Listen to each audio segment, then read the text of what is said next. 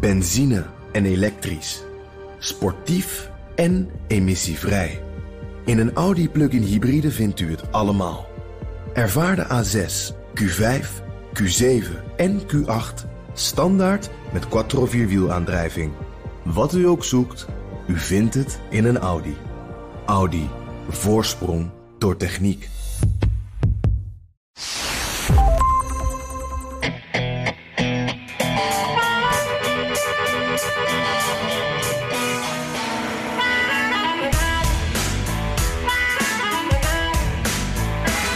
De week van de maskerades en ontmaskeringen. President Trump probeert het stijgende aantal coronabesmettingen te maskeren door de schuld bij Dr. Fauci te leggen. Joe Biden kwam met ambitieuze plannen, maar werd toch een beetje ontmaskerd door factcheckers. En oh ja, Trump schudde zijn campagneteam even flink op en nam de maskerade ook nog eens letterlijk voor het eerst met een mondkapje. And there you see the presidential mask. Uh, these are live pictures right now. Ja, dat was live op de Amerikaanse tv, de Presidential Mask. Dit is aflevering 33 van de Amerika-podcast. Mijn naam is Jan Posma en ik zit op de bank. Nee hoor, ik zit gewoon aan de keukentafel, zoals je dat van me gewend bent, met een kop koffie in Washington, D.C. En ik ben Bernard Hammelburg. En wie mij zoekt in New York, achter mijn bureau, aan het raam, op de hoek van West End Avenue en de 92e straat, 18e verdieping, met koffie en in de verte uitzicht op de Freedom Tower. Jan, wat heb jij voor avonturen beleefd? Nou, ik, ik, dit is één dingetje. Het was er verder uh, dus genoeg nieuws, maar in, de, in Washington zelf was het een beetje een saai weekje. Eén uh, ding wil ik wel met je delen. Uh, Ruth Bader Ginsburg, hè, die moest weer naar het ziekenhuis. Dat heb je vast ook gezien. Die, die, hoge rechter waar alle democraten schietgebedjes voor doen. Want als zij ziek wordt of, of overlijdt, ja, dan mag Trump een vervanger aanwijzen. Dus ja, dat wordt ze, roept, ze roept ook steeds, ik hou vol tot, tot dat Trump weg is. Ja, precies. Ja. Het is echt, uh, je, je ja. ziet daar soms voorbij schuiven. Dan denk je, dit kan niet lang meer duren. Maar ze, ze is echt een taaie. Uh, nu is het ook weer gelukkig goed gekomen met haar. Maar ik liep uh, wat door de, de echte snikhete stad hier. En ik zag daar zo'n campagnebordje in de, in de tuin staan. je kent ze wel, waar normaal Trump of Biden of, of een andere naam op staat. Nu stond er een foto op van Ruth Bader Ginsburg, RBG in haar toga met een felroze mondkapje op. En, en die strenge ogen die daar bovenuit uh, priemden. En de tekst daarbij die vond ik toch wel echt mooi. RBG werkt in een straal van een paar kilometer van hier. Als je geen mondkapje wil dragen voor je familie en vrienden... Doe het dan voor RBG. Geweldig. ja. Dus iedereen is ermee bezig. Hoe, hoe is het ja. in, uh, in New York bij jou? Uh, ja, gaat wel goed. Nou, uh, het, het, het goede nieuws is dat uh, burgemeester de Blasio net gisteravond, geloof ik, heeft aangekondigd dat New York waarschijnlijk naar fase 4 kan. Ah. Dat is eigenlijk een beetje zoals het in Nederland nu is. Dus ja, New York leeft in een soort isolement, maar wel een gunstig isolement. Het gaat goed gewoon met de coronacrisis. Ehm, ik, even één ding dat ik ook dan kwijt wil. Gisteren waren wij op bezoek bij een vriendin. Dat is een immigratieadvocaat, een vrouw, Latina, dus is van, van uh, Latina, Latino afkomst. Uh, en die kan niet zo verschrikkelijk veel doen op het ogenblik als immigratieadvocaat, omdat Trump alle aanvragen voor groene kaarten en al dat soort dingen ah, nagenoeg. Ja heeft uh, stilgelegd. Maar zei ze, dat is helemaal niet niks aan de hand, joh. Want over 105 dagen, dan stemmen we Trump gewoon weg. En dan komt het allemaal wel weer goed. Echt met, in volle overtuiging. Ja. En, toen zei, en toen zei ik, ja, maar Robin, zo heet ze, dat is echt wensdenken. Maar zij was 100% van overtuigd, dus we gingen wedden. Uh, en toen zei ze: Denk erom, ik heb een hele dure wijnsmaak. dus zet je schrap. Uh, en ik heb gezegd: Nou ja, ik, ik, ik vrees dat ik win, maar ik gun je die fles van harte. Wat zeg jij, Jan? ja. Ja, ja, ja, ja, ja. Je mag wel gaan sparen. Nee, ja, ik, ik, ik, ik heb uh, wel hetzelfde als jij. Denk ik. ik geloof nog steeds wel in die kans van Trump. want ja, ik denk dan ook: wat is het alternatief hè, voor Republikeinen? Maar ik, ik, ik zie Trump nu ook wel gefrustreerd om zich heen slaan. En, en zijn campagne is op zoek naar een boodschap zijn campagne-team is ook zelf op, zelfs opgeschud. Daar gaan we het ook nog wel even over hebben. Dus het rommelt daar wel. Maar ik zou inderdaad, ja, die, die fles wijn. Ik denk, denk dat je nog wel even veilig bent hoor. Ja. Uh, ik hoorde iets anders, Jan, wat ik ook wil delen. Waar ik een beetje van schrok. Mensen die ik heel goed ken, een leuk gezin. Uh, allebei prima baan, uh, kinderen goed. En die piekeren al een tijdje om um, een beetje weg te gaan uit de hectiek van New York. Naar een wat rustiger gebied, Maryland of North Carolina of zoiets. En dat ze zeggen nu, dat durven we niet meer. Want we hebben een beetje het gevoel dat we een soort politieke vluchtelingen zijn die nergens heen kunnen. En dan, en dan zeggen ze, dan is New York en omgeving dan toch maar het veiligst. Wauw. En dat gaat, ja. Dus en daar krijg ik echt kippenvel van. Ja, want eventjes, hoe, hoe zien ze zeggen dan is New York het veiligst? Waar zijn ze bang voor? Discussies met de buren, dat soort dingen? Of? Ja, voor het Trumpisme. En voor discussies met de buren. En voor geïsoleerd raken in je eigen kring. Of kinderen die met de nek worden aangekeken omdat ze er anders over denken. Of uit gezinnen komen die dan quote-unquote extreem links, communistisch, democratisch zijn. Noem het zo maar op. Ja. Ja. Jee, vreselijk joh. Ja, dit, dit, is, uh, ja, dit is de land of the free. Dit is, dit is ook het gevolg van, van al die harde discussies op tv, op Fox News en, en de, de, polarisatie.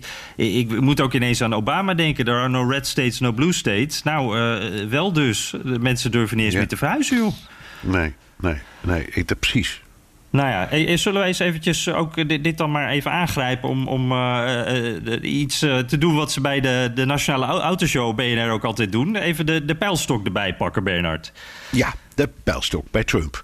Um, jij en ik zijn het nog steeds eens. Hij heeft een, nog steeds een redelijke kans. De harde kern die staat helemaal achter hem, nog steeds. Mm -hmm. Maar er begint wel veel te rafelen. Uh, wat je ziet dus in de buitenwijken en de slaapsteden die, uh, nou ja, die jij zo goed kent en wij ook. We, hebben er zelf jaren gewoond hier vlakbij in New York. Uh, daar lopen voormalige Trump-kiezers nou echt weg en die zeggen dat ook. Dus ze, ze, deden er eerst een beetje geheimzinnig over, maar die zeggen dat gewoon van nee, die, dit kunnen we niet meer steunen. En je ziet in een aantal swing states zie je ook peilingen waarvan Trump, als ik hem was, behoorlijk wakker zou liggen. Ja, precies. En, en je ziet ook, uh, wat ik net al zei, in zijn reactie ook, ook wel dat er, uh, dat er echt iets aan de hand is. Uh, hij slaat hard om zich heen. Dat doet hij natuurlijk altijd. Maar ja, er is wel iets, iets anders ingeslopen, heb ik het gevoel. De, hij zoekt nu steeds weer nieuwe vijanden. China natuurlijk, over, over corona. Dan wordt er dus niet naar de coronasituatie in, in Amerika gekeken... maar naar waar komt het vandaan? Oh, het is China's schuld. De Zuid-Chinese zee houdt hij zich nu weer mee bezig. Um, ja, eh, die, die, die dokter Fauci ook, hè, de, baas van het CDC, eh, het Amerikaanse RIVM. Die man is, uh, nou, ik geloof alle mensenleven in, in dienst van de overheid. Is echt, heeft steun aan alle kanten. Wordt gewaardeerd als vooral een heel apolitieke professional, een wetenschapper. Nou, hij serveert hem dan af. Uh, die scholen, dat is de schoolstrijd eigenlijk hier. Die, uh, uh, die scholen die moeten weer, weer open, maar in bepaalde delen mogen ze nog niet open. En, en ja, hij kijkt dan helemaal niet naar bijvoorbeeld het gevaar voor die leerkrachten. het is echt heel hard ja, ja. ja, de strijd aangaan met iedereen. Ja, dat speelt hier in New York ook enorm. Zoals, zoals ik net al zei aan het begin. Het gaat in New York met corona eigenlijk best goed. Hoewel Cuomo, de gouverneur en burgemeester de Blasio steeds zeggen... we moeten toch uitkijken, want om ons heen gaat het slecht. En mhm. je kunt het niet buiten de deur houden. Maar voorlopig gaat het goed. Maar je krijgt wel een enorme discussie over die scholen. Uh, omdat uh, hier in New York, nou ja, dat wordt steeds duidelijker.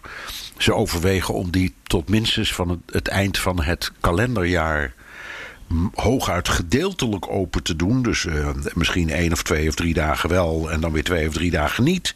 Zo door de week heen. Omdat ze zeggen, ja, maar het gaat niet alleen om het, het objectieve gevaar, maar het gaat vooral om de leerkrachten. Die lopen daar enorme risico's en die moet je uh, beschermen. En die kinderen die krijgen het misschien zelf niet, maar die zijn wel besmettingshaarden. Mm -hmm. Dus dat is een goede discussie. Uh, en ouders, uh, bijvoorbeeld hier, dat zie ik ook in de gesprekken over mijn eigen kleinkinderen, die maken ze daar echt zorgen over.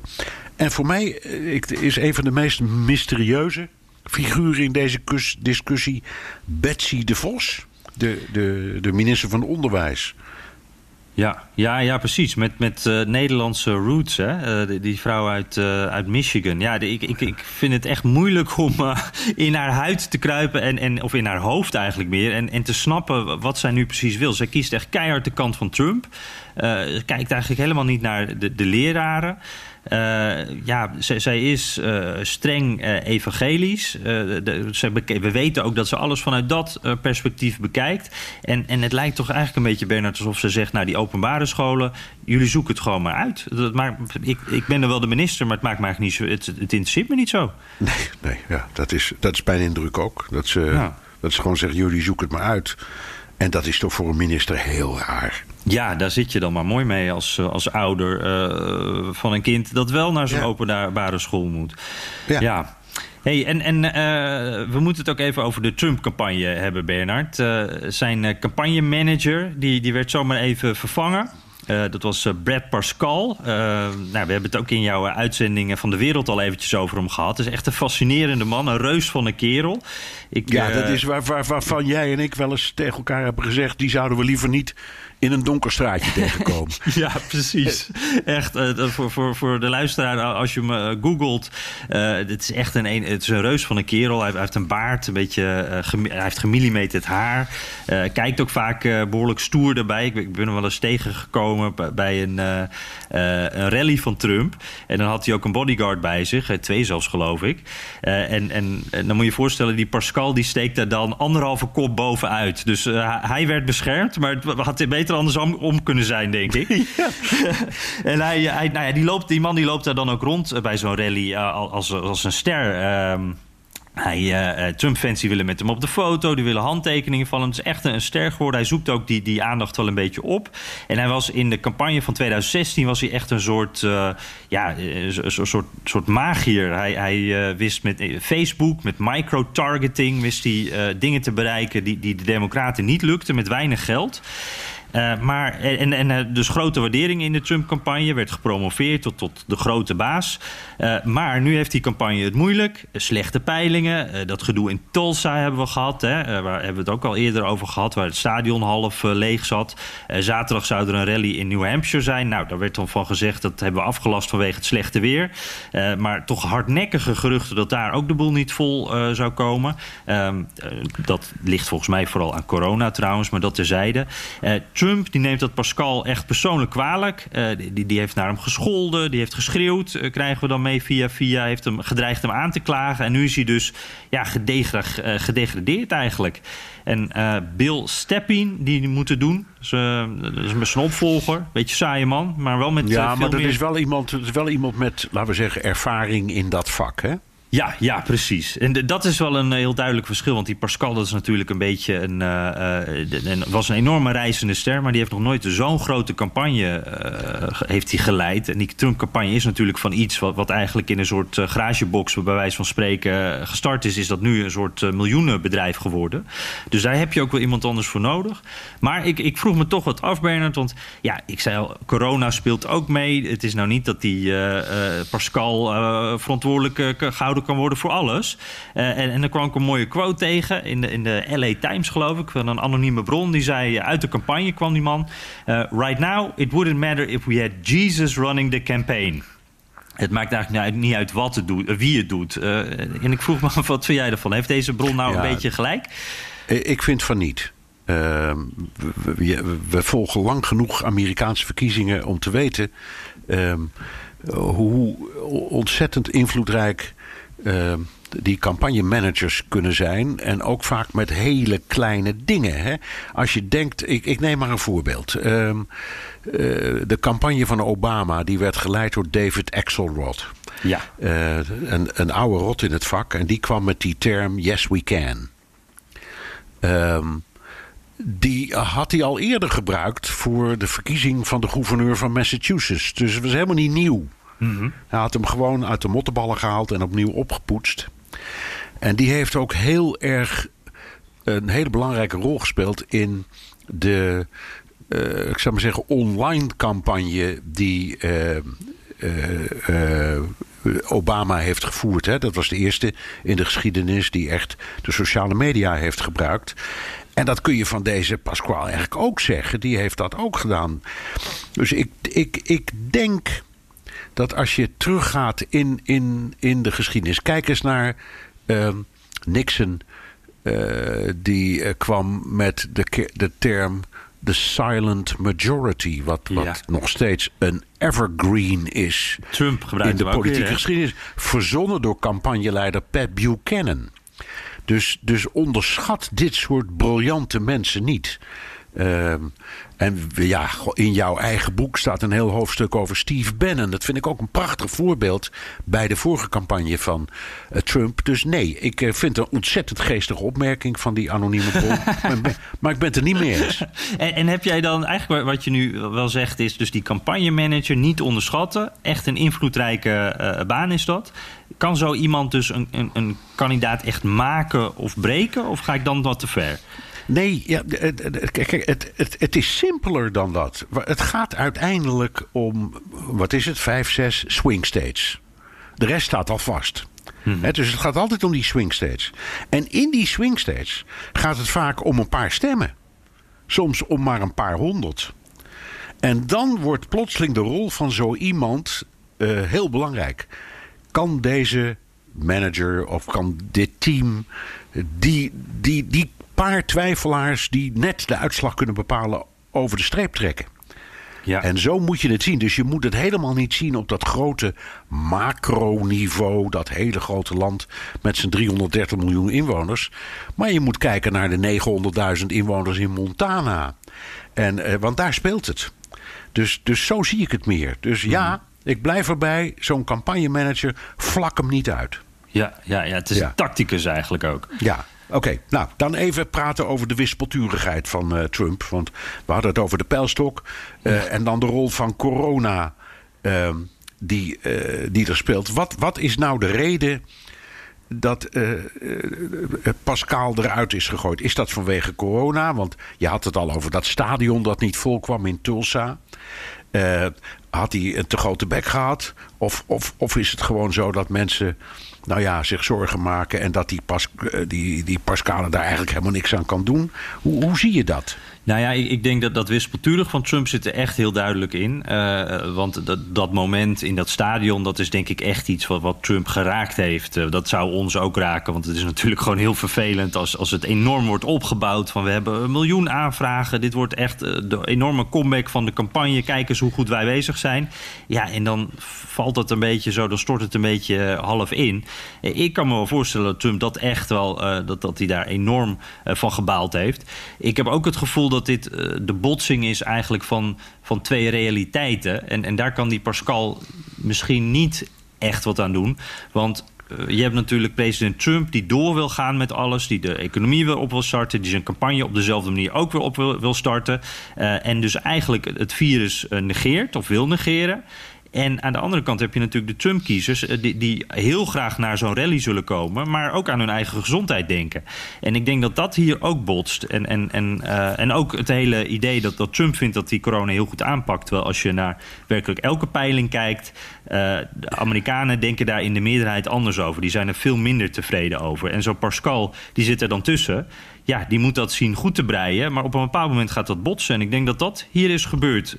Naast Ja, dat ik ook is- denk... Wat, Ja, hij, is ook niet, hij is ook niet bepaald de bescheidenheid, zal ik maar zeggen. Eh, die, die Pascale. En, en daar moet je natuurlijk bij Trump ook mee uitkijken. Ja, precies. En dat, dat, dat, is het gedeelte wat natuurlijk... eh, ja, ik, ik, moet- daar moet ik ook altijd stiekem wel een beetje om lachen, hoor. Want die, die, die Pascal, dat is een soort rockster, hè. Wat ik al zei, die loopt daar rond in pak... eh, met zijn baard de, de grote man uit te hangen. En, en de laatste tijd hoorden we ook verhalen over hoe hij zelf... echt veel beter is geworden van die, die campagne de afgelopen jaren. Bedrijven van hem worden ingehuurd door de campagne... door hemzelf dus eigenlijk. Eh, ik geloof dat hij al 40 miljoen heeft eh binnengeharkt op die manier... of die bedrijven in ieder geval. En zelf rijdt hij inmiddels in een Ferrari. Woont hij in Florida in, in een mooi huis. Er waren ook klachten van de campagne. Dat eh, altijd als ze belden, dan zat hij aan het zwembad. Terwijl de campagne die zit hier in de buurt van Washington. In een uh, zijkantoorgebouw. Ja, je kan je voorstellen, dat gaat niet heel goed natuurlijk. Nee, nee, nee. Die Ferrari, die fascineert mij. we hadden het over de autoshow. Die zouden Ja. denken, nou, die, die man heeft tenminste een goede smaak. Maar eh, eh, Trump heeft een bloedhekel aan buitenlandse automerken. Ja. Dus dat, dat is natuurlijk, als je campagnemanager bent, nou ook niet echt handig. Ja, ja. ja, want Trump die heeft geloof ik ook nog wel eens wat Mercedes gehad in het verleden. Maar die werden dan in ieder geval gedeeltelijk nog in Amerika gemaakt. Dus dat eh, Ja. Ferrari absoluut niet. Met de hand in Italië. Oké, maar, maar Ja. die, die, het, kijk, die, die, die, die Pascal had natuurlijk wel, heeft wel zijn kwaliteiten. Want je zegt ja, eh, de handel vliegt op hem af. Dat doen ze natuurlijk vanwege zijn roem en zijn status. Maar ook gewoon omdat het een goede vakman is. Wat kan die nou eigenlijk zo goed? Nou ja, wa- wat ik echt eh, interessant vond aan die 2016-campagne. Jij noemde al, hè, in de, Obama-campagne. daar eh, keek iedereen van op hoe eh, social media, hoe het internet werd ingezet. Dat, dat was een soort revolutie in campagne voeren. Eh, dan zou je verwachten, nou, die Democraten die hebben het in de vingers. Maar onder Hillary Clinton eh, liep dat eigenlijk, was dat helemaal niet zo innoverend. En Pascal die heeft juist eh, bij, bij die Trump-campagne eh, zo slim Facebook ingezet en zo geraffineerd ook met ja, micro-targeting noemen ze dat. Dat echt dat je op dat je kan selecteren van ik zoek een Nederlandse, nee die zullen ze niet zoeken, maar ik zoek een man van, van in de twintig in New York met als hobby modelbouwtreinen. Nou dat kan en dat heeft hij eh, precies zo uitgezocht en dan maakt hij een eh, campagnefilmpje met een modelbouwtrein erin. En dan weet je dus die groep heel goed aan te spreken. En hij heeft dat echt ja, heel knap gedaan. En daardoor met, met veel minder geld dan de, de Clinton-campagne toch een maximaal resultaat gehaald. Ja, en, en, en dat blijft hij gewoon doen dus. Ja, dat blijft, Dat hij gaat eigenlijk gewoon weer terug naar zijn oude plek. Alleen het is natuurlijk voor hem zelf echt super pijnlijk. Want hij was de grote man. En eh, eh, ja, nu is hij weer eigenlijk een beetje de, de nummer twee of de nummer drie. Ja, behalve letterlijk dan. Want- Ja, want- letterlijk stijgt hij overal bovenuit. Ja, ja, ja. En hoe is hij daar zo verzeild in geraakt in, in, in het team? Ja, dat is ook nog wel een goed verhaal. Hij, ehm, hij was oorspronkelijk eh, websitebouwer. En, en gewoon, ik stel me voor, een beetje zo'n ZZP'er... waarvan je er heel veel, ook in Nederland bijvoorbeeld hebt... die dan websites voor bedrijven maakt. En hij maakte dan eh, websites voor, voor vastgoeddingetjes van het Trump-imperium. Eh, en hij, nou ja, daar was hij goed in. En toen had hij contact met Jared Kushner, de schoonzoon natuurlijk, en die eh, van Trump.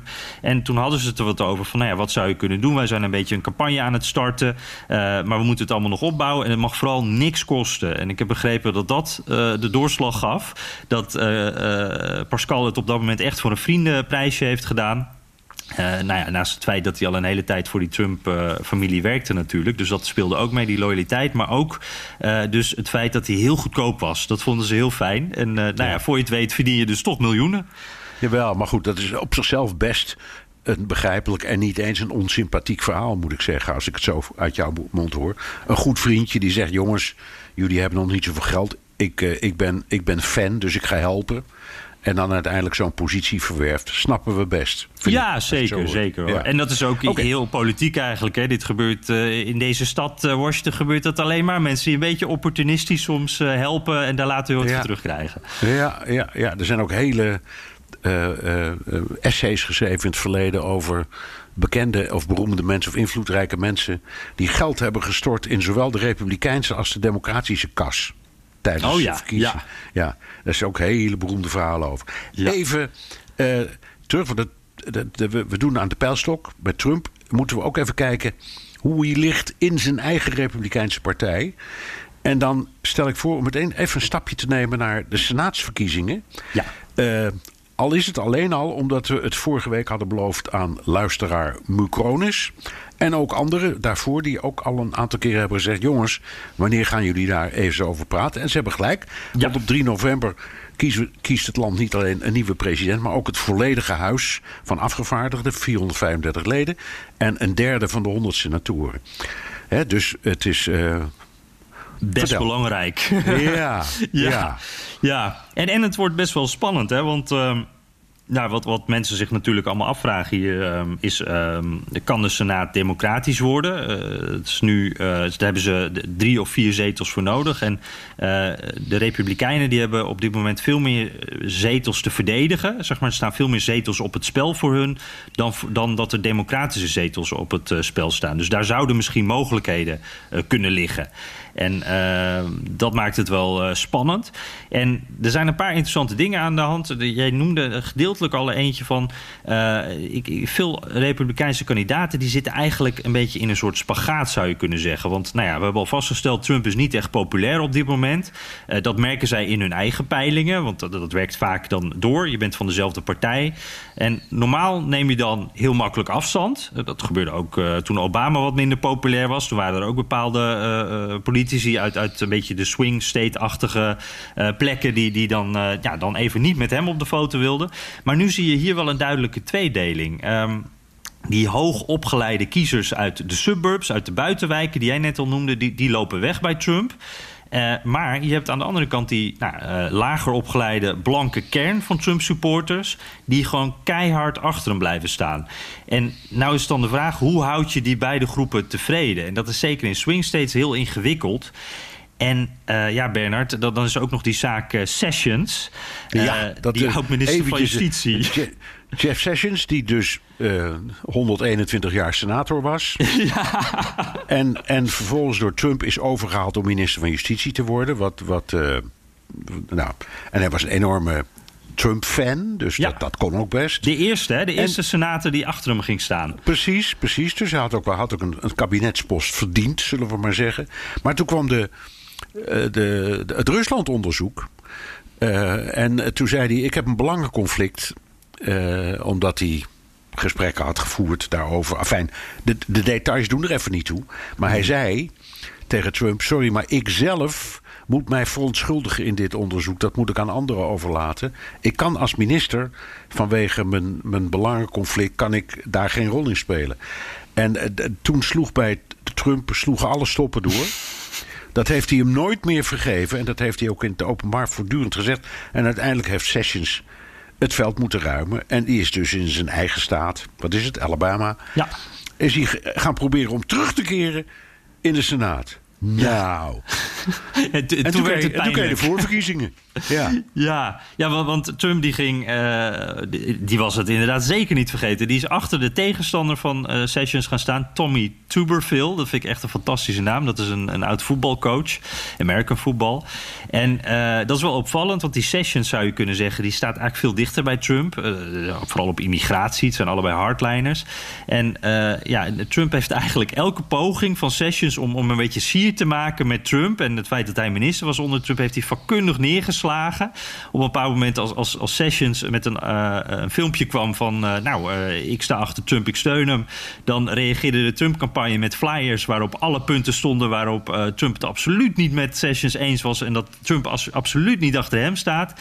En ja, het is een beetje sneu eigenlijk, Bernard. Die man die zo loyaal achter Trump stond het is nu einde eh, campagne eigenlijk. Hè? En, en dat zien die andere kandidaten, denk ik, in de rest van het land ook. Alabama is natuurlijk echt Trump country. Maar ik denk echt dat andere uh, kandidaten ook hier een beetje zo angstig naar kijken: van wacht even, niet tegen Trump ingaan. Ja, goed. Jij bent altijd onze man van peilingen en statistieken. En uh, ik zal maar zeggen, de wiskundige kant van, de, van deze podcast. dus, dus hoe ziet het eruit als je kijkt naar peilingen, prognoses enzovoort? Nou ja, ik, wat ik dus interessant vind, en dit is wel echt een beetje speculeren hoor, dat zeg ik er meteen wel bij, maar dat maakt het niet minder interessant. Ik vind het altijd eh, leuk om te kijken naar hoe zit dat nou met het, het, het flippen van de Senaat. Kan, kan die Senaat inderdaad uh, naar de Democraten gaan? En dan zie je toch dat er hele kleine. Uh, heel klein optimisme is in peilingen richting dat dat inderdaad kan. En sommige analisten zeggen ook dat het gaat gebeuren. Uh, en ja, dus, dus dat wordt gewoon super spannend. Maar dan moet ik ook tegelijkertijd zeggen, bij, bij de laatste, uh, allerlaatste verkiezingen werd er steeds naar gekeken van kan dit gebeuren? En, en Bernard, het, het, ja, het gebeurde steeds niet. Hè? Dus op dat punt, we moeten het gewoon maar afwachten. Ja, maar ja, Bill Clinton zijn woorden, hè? de enige echte peiling is de verkiezing zelf. Ja. Ja. Een magische uh, waarheid is dat. Ja. De magische waarheid is ja. Jan, kun je zeggen dat, dat uh, corona Trump in de wielen rijdt? Nou, ik heb het idee van wel. Uh, maar dat komt ook wel omdat hij dat zelf ook toestaat. Want ja, corona zelf, daar, daar, of ik zeg het een beetje Amerikaans, corona zelf, daar, daar kan hij niks aan doen. Daar hebben we het ook wel vaak over gehad. Dat is natuurlijk niet Trumps schuld. Maar hoe hij ermee omgaat wel. En ja, eh, Bernard, ik, eh, zit er toch met verwondering te bekijken. Bijvoorbeeld die, die uh, ruzie met, met. Dat is toch wel apart. het Witte Huis is bezig om ja, een soort campagne om, om Anthony Fauci zwart te maken. En, en Bernard, dat is misschien. Is er, kan jij een, een ambtenaar noemen met een betere reputatie dan Fauci? Ik kan het niet verzinnen. Nee, nou, hij zit er sinds Ronald Reagan in die functie. Uh, en hij is echt in de ogen van iedereen altijd, ik zal maar zeggen, boven de wet. Mm Heeft hij altijd gestaan. Dus uh, het woord is in de eerste plaats een buitengewoon sympathieke, aardige dokter. Als je hem zo ziet en hoort op de televisie of op de radio. Uh, hij kan verschrikkelijk goed uitleggen. Hij is nooit extreem in zijn opvattingen. maar goed, hij heeft zich wel heel duidelijk ook staande naast Trump voortdurend op een hele beleefde manier geprobeerd te verzetten. Hm. Tegen Trump, zal ik maar zeggen, zijn haast om de economie te herstarten. Dus niet eens zozeer uh, over de, de medische kant, maar vooral daarover. En wat krijgt hij nu naar zijn hoofd geslingerd? Dat, het een, dat hij uh, van toeten nog blazen weet, ook medisch. Ja, He? ja. Dus, uh, nou ja. wie was dat? oh, Piet, Piet Navarro. Navarro. ja. ja. Ja, ehm, die, die schreef een, een uh, opiniestuk. Uh, dat kwam in de krant. En uh, ja, daar, daar, werd eigenlijk beschreven hoe Fauci er eigenlijk ook best wel vaak naast zit. En, en er kwam ook een bericht naar buiten. Ik ben even kwijt of het nou de Washington Post of de New York Times was. Maar dat het Witte Huis talking points naar de media stuurt. Gewoon een paar bullet points op een rijtje. allemaal momenten waarop Fauci ernaast zat. En ja, het, is alsof uh, Fauci een politieke tegenstander is. Want dat, dat, dat is wel heel raar natuurlijk. Want Fauci zit gewoon in een team, in een Witte, Huis, in een witte Huisteam, in, in, in de taskforce voor corona. En best wel veel van die dingen die genoemd werden. Ja, Fauci heeft er inderdaad naast gezeten. Maar zoals de hele wereld er ook op heel vlakken naast heeft gezeten. Of je nou een masker op moet of niet. En, en hoe groot de impact van corona zou zijn. Ja, in, in februari hadden we daar natuurlijk hele andere gedachten over. De wetenschap ook. Dan ja, nu. Even, even voor de duidelijkheid. En ter verdediging van Fauci. Wat ik zo bewonderde helemaal aan het begin, hè, toen we die discussie kregen over die, die curve. Weet je wel, die curve die moest plat. Ja. De hele wereld had het erover. Ja. Fauci zei er destijds meteen al: let wel, uh, dit is een model, dus een wiskundig model, gebaseerd op veronderstellingen. Dus hij was een van de eerste in de wereld die zei: Ik weet niet of dit het verloop van de ziekte is. Dit ja. is gebaseerd op vroegere gevallen met epidemische uitbraken. Maar dat weten we niet zeker. De hele wereld heeft die modellen gebruikt. Maar hij was de, een van de eerste die, die juist de slag om de arm hield. Door te zeggen: jongens, we moeten niet net doen alsof dit volledige wetenschap is. Ja. Het is ook maar een slag in de lucht, maar we doen ons best. Dus ik vond zijn presentatie geloofwaardig, begrijpelijk, juist. En, en tot op zekere hoogte ook geruststellend.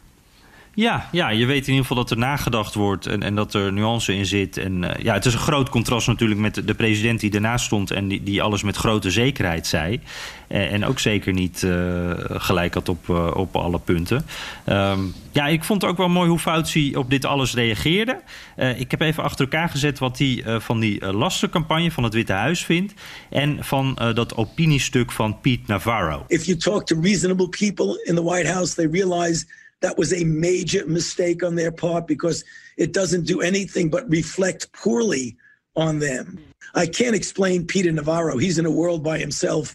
So I don't even want to go there. Ja, en ik moet er nog even bij zeggen trouwens, die Piet Navarro... dat is uh, uh, ja, de, de, de handelsgezant uh, voor, voor China eigenlijk van het Witte Huis. Hè. En dat is daarom, die heeft ook hele andere belangen in deze discussie natuurlijk. Maar Bernard... Ja, dat is de man, de man van die zegt... sorry jongens, maar de economie gaat echt voor. Ja, precies. En, en dat, dat is ook iets wat het Witte Huis nu zegt: van ja, uh, ten eerste dat stuk van Navarro, daar wisten we niks van.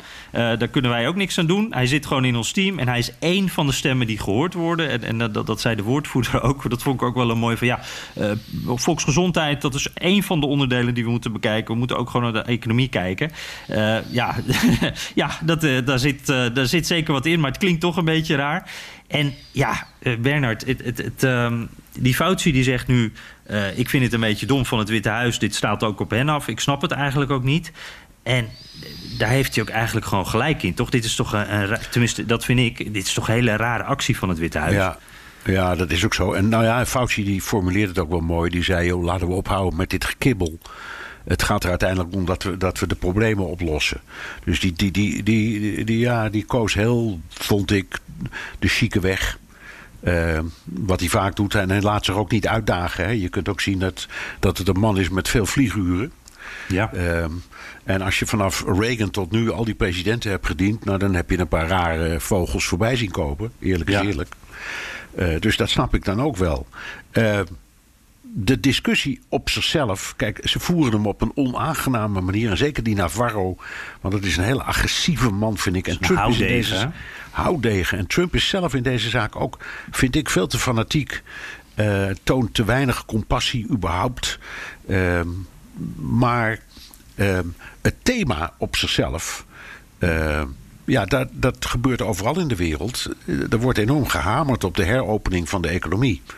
Terwijl het aantal besmettingen blijft uh, toenemen. en dat, dat, ja, dat vertaalt zich dan in mondkapjes, afstand houden. en oh ja, Trump. Eindelijk een, een, een, mondkapje op, hè? Ja, precies. Ja, ja dat, dat was echt wel een, bijzonder moment. Als je ziet hoe... op een bepaalde manier doet Trump dat dan ook alweer uh, slim. Want dit, was echt, dit werd echt een moment. Oh, de president heeft voor het eerst een mondkapje op. Terwijl de rest van het land dat natuurlijk al uh, veel langer doet... als ze naar de winkel gaan of wat dan ook. Maar wat ik tegelijkertijd ook wel dacht, Bernard... er werd echt juichend op gereageerd. Vanuit zijn eigen campagne ook. Van, oh, he looks like a badass. wat een stoer mondkapje. good night Biden werd er zelfs gezegd. Van nou, Biden, jij bent nu echt weg. En dat snapte ik toch niet helemaal. Want als je kijkt waar we nu staan met uh, corona, uh, Florida en Texas, daar gaat het echt mis. Ik, ik, ik zag net, daar worden de, de koelwagens alweer ja, binnengereden. Want het, de, de, ja, het ligt daar gewoon, de ziekenhuizen liggen vol. ze kunnen het allemaal niet meer aan. Dan denk ik toch, een mondkapje dragen op dit punt, dat kan je toch met de beste wil van de wereld niet als een overwinning spinnen. Nee, nou ja, ik weet niet of je goed hebt gekeken naar de foto of de opname van dat mondkapje. Maar daar stond ook nog het zegel van het Witte Huis op. Ja, ja. ja precies. Ja. Ja, ja, ja, maar goed, ja. het is, het is, la, laten we eerlijk wezen, en dat is ook weer het punt. Niemand is zo zeker over die mondkapjes. Dat wordt dan wel gezegd. Uh, maar je weet, in Nederland is ook een enorme discussie geweest door en met het RIVM. En dat komt erop neer, het heeft alleen maar zin als je het echt op de goede manier doet, dat doet bijna niemand. Nee. Echt over je neus en over je mond. Op het moment dat je het afdoet, kun je hem niet hergebruiken. Die dingen van uh, stof en textiel, die zijn eigenlijk helemaal niet goed. Want dat zijn. Dat, zijn, dat worden vaak bronnen van infectie in plaats van dat ze ze tegenhouden. Afijn, dus het, werkt alleen maar als je het echt goed doet. Dus als, als Trump dat nou had gezegd: van jongens, ik ben niet tegen mondkapjes, maar er zijn zoveel twijfels over de werking. Dan denk je plotseling: oké, dat snappen we.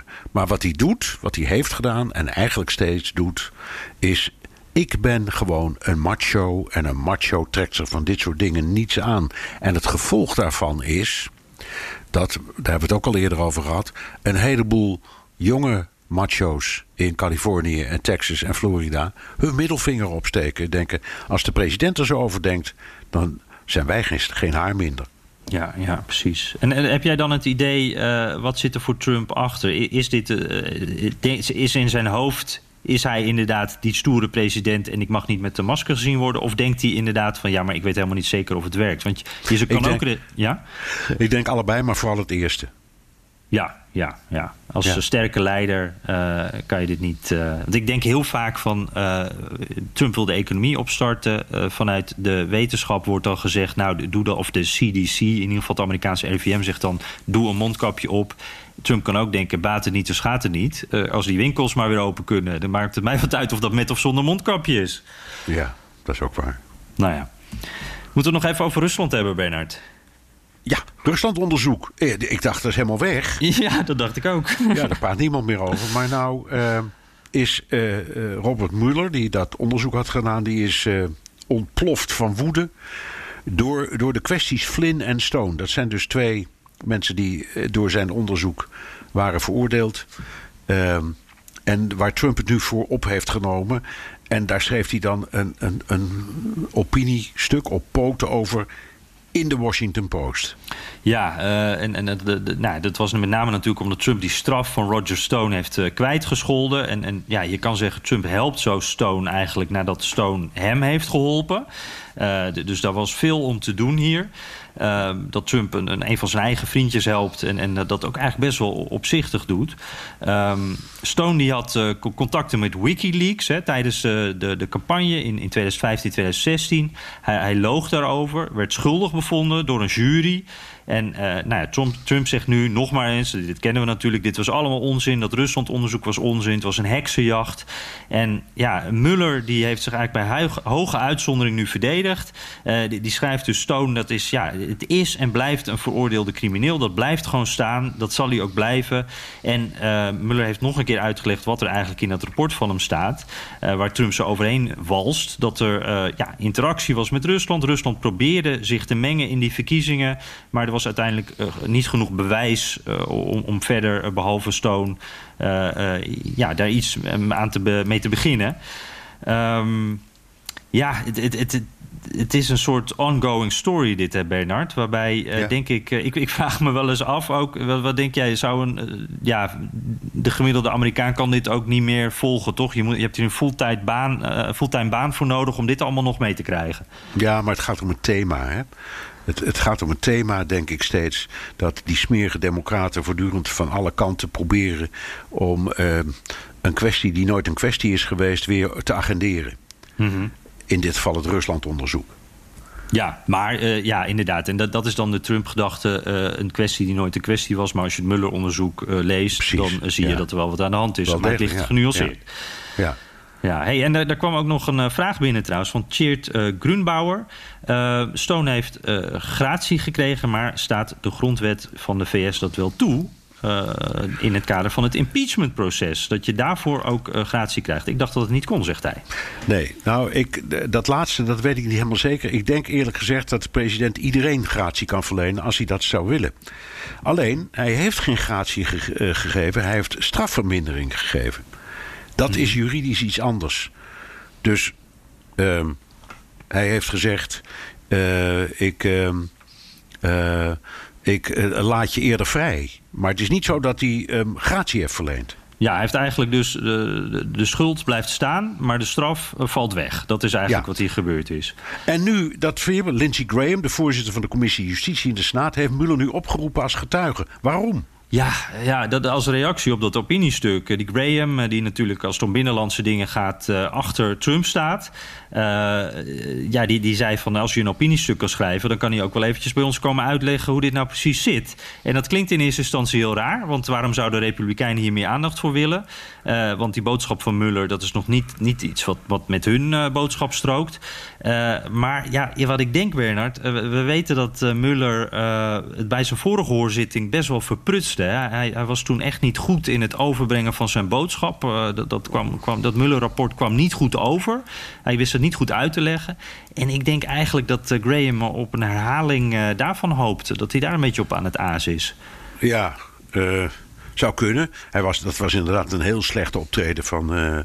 brengt ons op Biden, Jan. Oh, ja. Uh, ja. ja. Over uh, slechte optredens. Of precies, dacht, dacht je zo, ja. Want, want, want, want, want dat is ook niet de meest flamboyante spreker uit nee. de menselijke geschiedenis. Heeft de afgelopen week voor het eerst iets laten zien van een eigen visie. Toch wel. Over de economie, herstel van de economie, zijn opvattingen over milieu en klimaat. Hoe, wat vond je ervan? Nou ja, ik, uh, ik moet zeggen, ik vond dat ten eerste wel positief. Dat hij nu met uh, iets inhoudelijks komt en dat het wat verder gaat dan alleen uh, Trump is slecht, je moet op mij stemmen. Want dat, dat kennen we nou wel. Build Back Better was de slogan die daarbij hoort. En hij wil investeren in gezondheidszorg, groene energie, de maakindustrie ook. Als een soort kleine FDR, zeg maar. En ja, ik, ik vond het een paar dingen wel interessant. Hij, heeft een beetje dingetjes geplukt uit de plannen van zijn primary tegenstanders. En wat me ook wel opviel, ik, ik hoorde af en toe daar een beetje Trump in door. Weer de, de maakindustrie terughalen naar Amerika, banen creëren.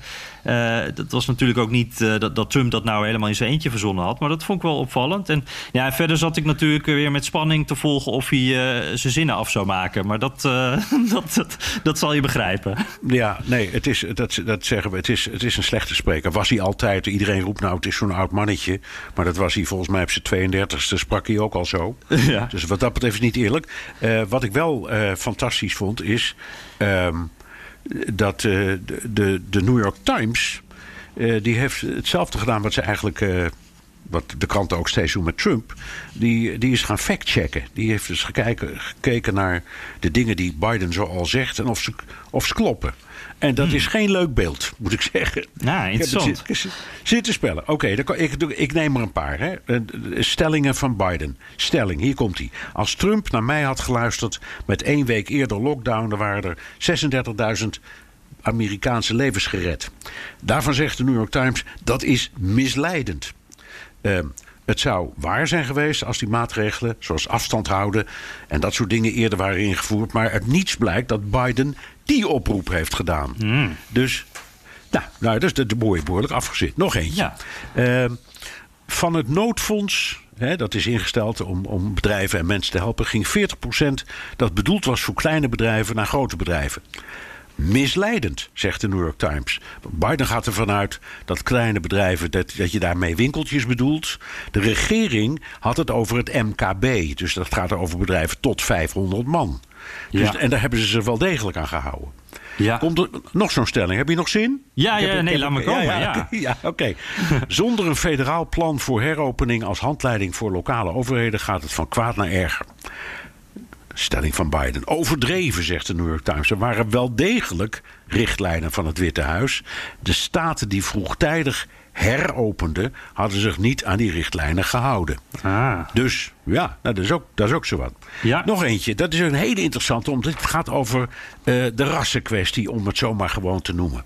Ja. Biden zegt de NAACP, dat is de oudste zwarte organisatie in Amerika, de National Association for Colored People, de NAACP, heeft mij al bij al mijn verkiezingen gesteund. Er zijn er heel veel geweest, hè, want hij is jaren senator geweest. Daarvan zegt de New York Times, dat is een leugen. Dat is niet niks als ze dat zeggen. Ja. Want de, de, NAACP die steunt zelf helemaal geen kandidaten. Er zijn soms heel veel leden van die organisatie die een kandidaat steunen. En ze komen nog met een hele verhandeling dat een organisatie, zo'n dergelijke organisatie, wettelijk niet eens een, ehm, een, een endorsement mag afgeven. Maar goed, om dat, om dat in die kring een leugen te noemen, dat is naar. Nog eentje tenslotte. Uh, hij zegt: Ik ben altijd tegen de Keystone-pijpleiding geweest. Dat is een pijpleiding die zou komen van Canada naar Nebraska. Uh, en daarvoor zegt de New York Times dat is overdreven. De regering Obama wees dat voorstel al in 2012 af. Uh, niet omdat ze er nou wel voor of tegen waren, maar omdat er eenvoudig weg niet voldoende tijd meer was. Uh, om dat tot het einde van de termijn van uh, Obama op tijd allemaal door het congres te laten onderzoeken. Ja. En al die jaren dat dat speelde, heeft Biden er met geen woord over gesproken. Gewoon uit zijn duim gezogen of uit de duim van ja, van zijn campagnestaf. Ja, ja, maar het is, ik vond het tamelijk vernietigend allemaal hoor. Ja, precies. Niet leuk.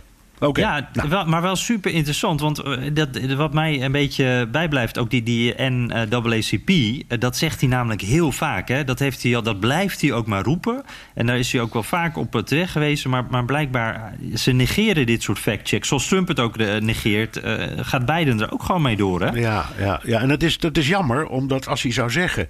ik heb in de loop van mijn carrière veel steun gehad uit zwarte kring. Ik noem maar wat. Dan heeft hij gewoon gelijk. Ja, dan klopt het wel. Dat, ja. dat is waar. Dat is veel makkelijker en dan lieg je niet. Nee, precies. Nee.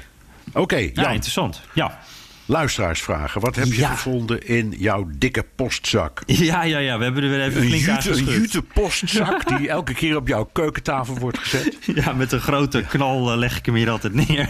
Ehm, even kijken. Joost uit Eindhoven. Uh, ik luister graag naar jullie podcast aangezien mijn vriendin uit Amerika komt... en ik er in de toekomst graag voor langere tijd naartoe ga om een studie te doen. Nou, dat is interessant. Ik ben benieuwd waar Joost heen gaat. Um, hij heeft de volgende en of, hij, en of hij een visum krijgt. Ja, hij zal nog wel eventjes geduld uh, moeten hebben mogelijk. Maar goed, dat, uh, dat hoor je hier ook als dat verandert. de volgende vraag. Trump geeft aan dat de enige manier dat hij de verkiezingen kan verliezen... is als er wordt vals gespeeld. Bijvoorbeeld door mail-in voting. Zijn aanhangers zijn hiervan ook overtuigd. Hoe verwachten jullie dat de machtsoverhandiging aan Biden zal gaan... in het geval dat Trump zou verliezen? Ja, die vraag komt steeds terug, hè? Ja. En er zijn ook, wij roepen dan steeds, ja dat kan helemaal niet. Want ja, de grondwet is heel duidelijk. Als je verliest, dan eindigt je termijn op 20 januari om, om 12 uur s middags. Maar ook hele serieuze rechtsgeleerden, die beginnen zich hier nu zorgen over te maken. Uh, wat gebeurt er als de marge te klein is? Uh, wat gebeurt er als Trump het gaat aanvechten?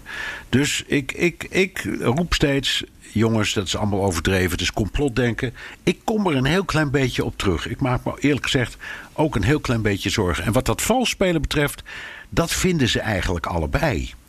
Dat stemmen per post en op andere manieren niet ideaal is. Dat vindt Biden ook.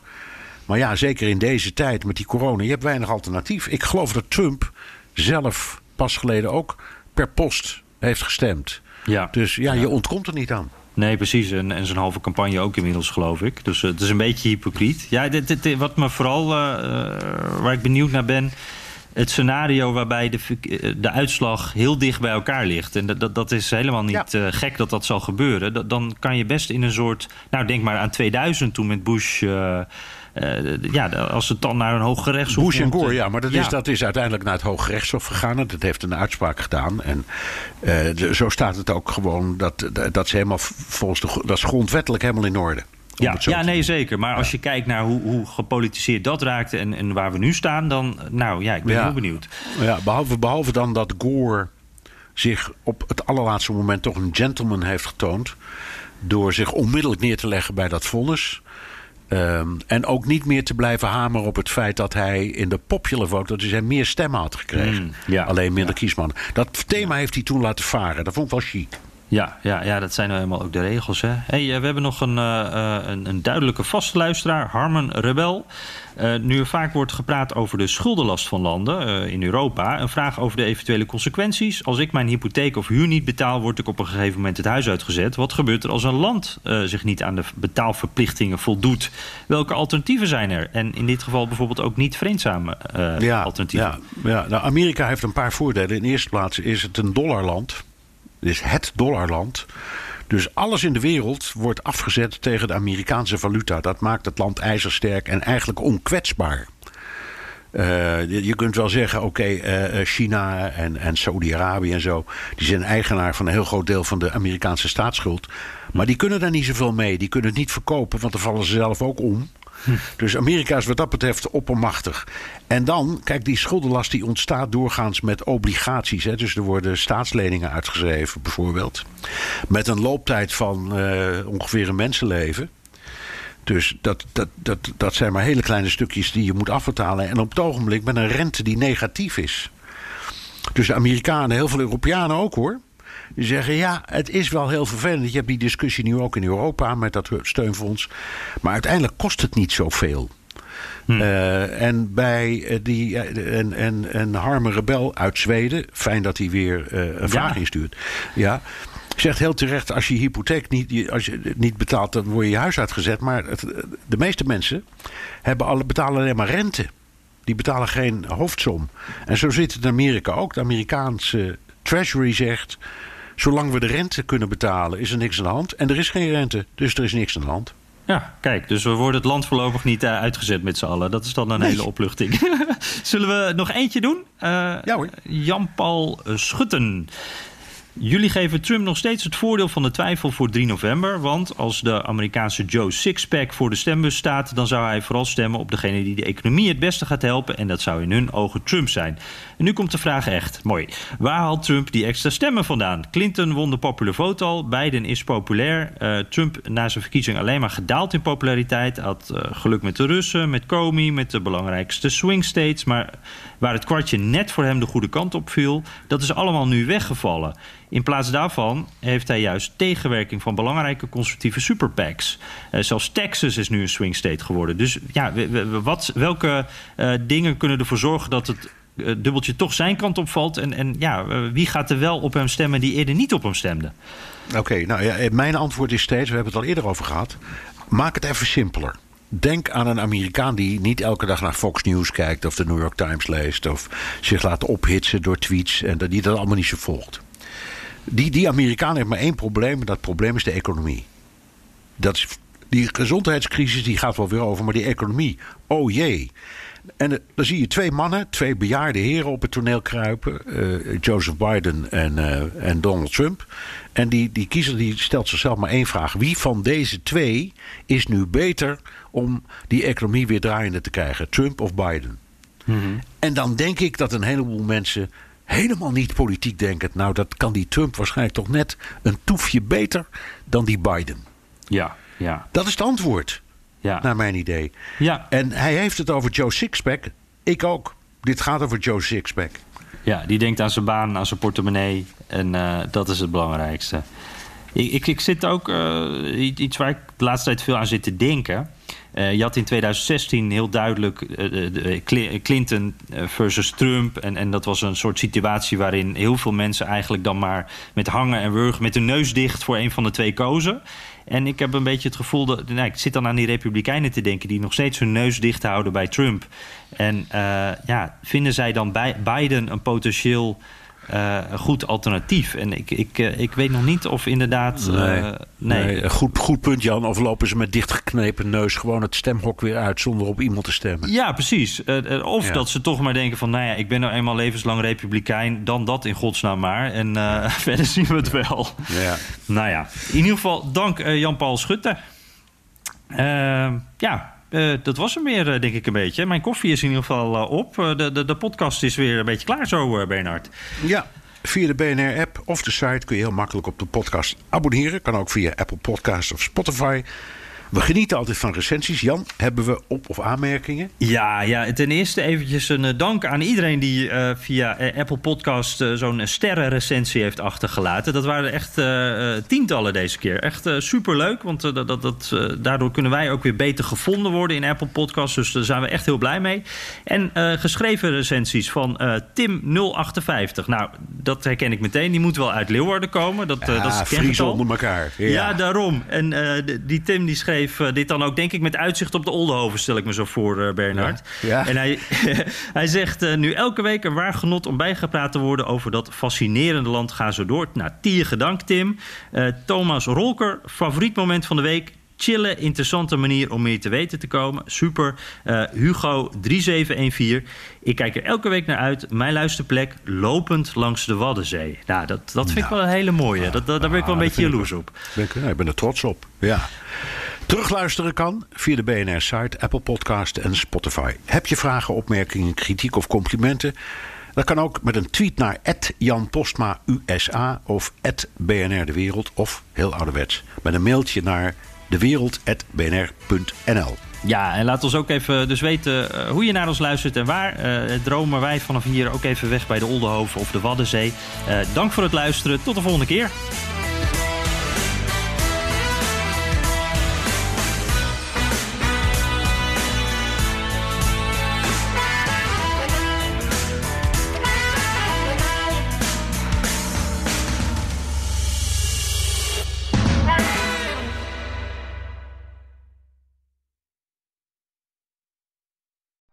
Benzine en elektrisch. Sportief en emissievrij. In een Audi plug-in hybride vindt u het allemaal. Ervaar de A6, Q5, Q7 en Q8 standaard met quattro vierwielaandrijving. Wat u ook zoekt, u vindt het in een Audi. Audi.